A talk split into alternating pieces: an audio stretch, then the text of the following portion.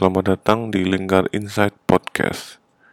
News and Insight dalam sebuah podcast untuk Anda para pendengar.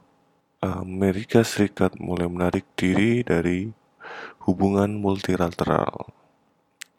Selama ini, Amerika Serikat hampir selalu mengambil peran terdepan dalam merespons masalah kesehatan global ketika wabah Ebola merebak di Afrika tahun 2014 sampai 2015, Presiden Barack Obama memimpin koalisi puluhan negara untuk memerangi penyebaran Ebola dengan menyediakan lebih dari 350 juta dolar Amerika Serikat.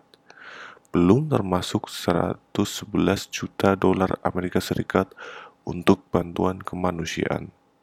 Pada tahun 2003, di era Presiden George W. Bush, Amerika Serikat meluncurkan President's Emergency Plan for AIDS Relief untuk melawan epidemi HIV/AIDS.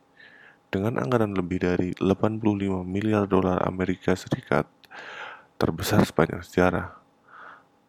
PEPFAR tersebut menjadi komitmen terbesar sebuah negara di dunia untuk melawan satu penyakit.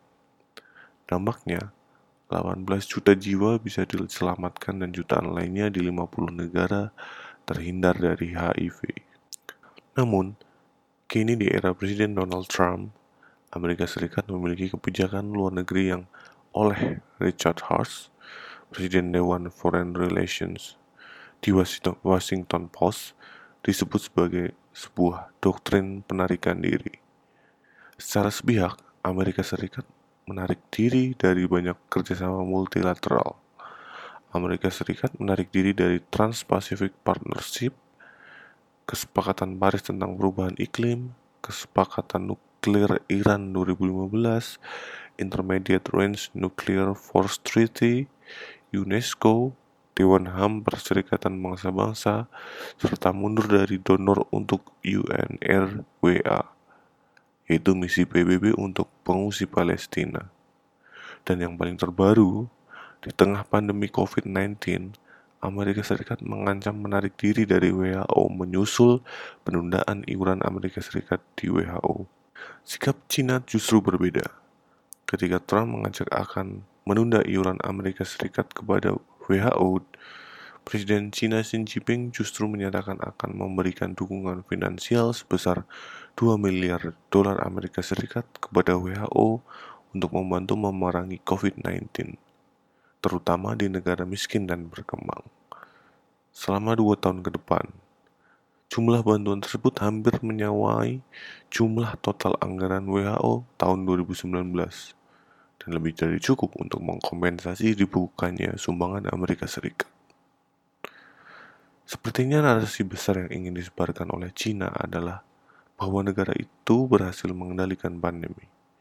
Selain itu, China juga terbuka dan transparan dalam melaporkan munculnya wabah dari Wuhan dengan membagi informasi genetik virus corona sejak awal.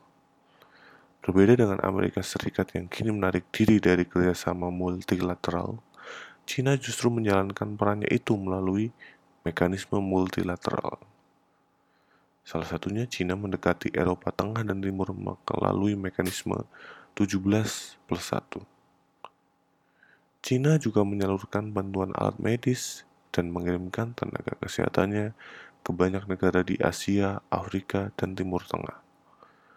Memanfaatkan ketidakhadiran Amerika Serikat di Eropa, Cina juga mengirimkan bantuan ke Italia, Perancis, Spanyol, dan Belanda.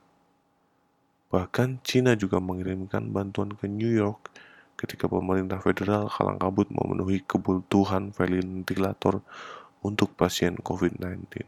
Dalam perlombaan pengembangan vaksin COVID-19, China yang juga melakukan uji klinis 5 calon vaksin COVID-19 berjanji akan menjadikan vaksin COVID-19 nantinya sebagai barang publik global dan memberikan akses kepada negara lain dengan harga terjangkau. Ini berbeda dengan Amerika Serikat yang menyuntikkan dana sekitar 1,2 miliar dolar Amerika Serikat atau sekitar 17,7 triliun kepada perusahaan farmasi Inggris AstraZeneca yang tengah mengembangkan vaksin COVID-19 untuk mengamankan kebutuhan vaksin dalam negeri Amerika Serikat. Kekhawatiran Barat terhadap jebakan utang Cina termasuk di kala pandemi saat ini dijawab Cina dengan turut serta bersama negara G20 dalam moratorium utang bagi negara miskin selama 8 bulan. Cina juga berkontribusi kepada Catastrophe Containment and Relief Trust dari Dana Moneter Internasional IMF untuk mendukung negara miskin menghadapi utang luar negeri mereka. Apakah itu berarti Cina akan mengisi kosongan yang ditinggal Amerika Serikat dalam respon terhadap krisis kesehatan global? semua sangat bergantung kepada Beijing dan Washington.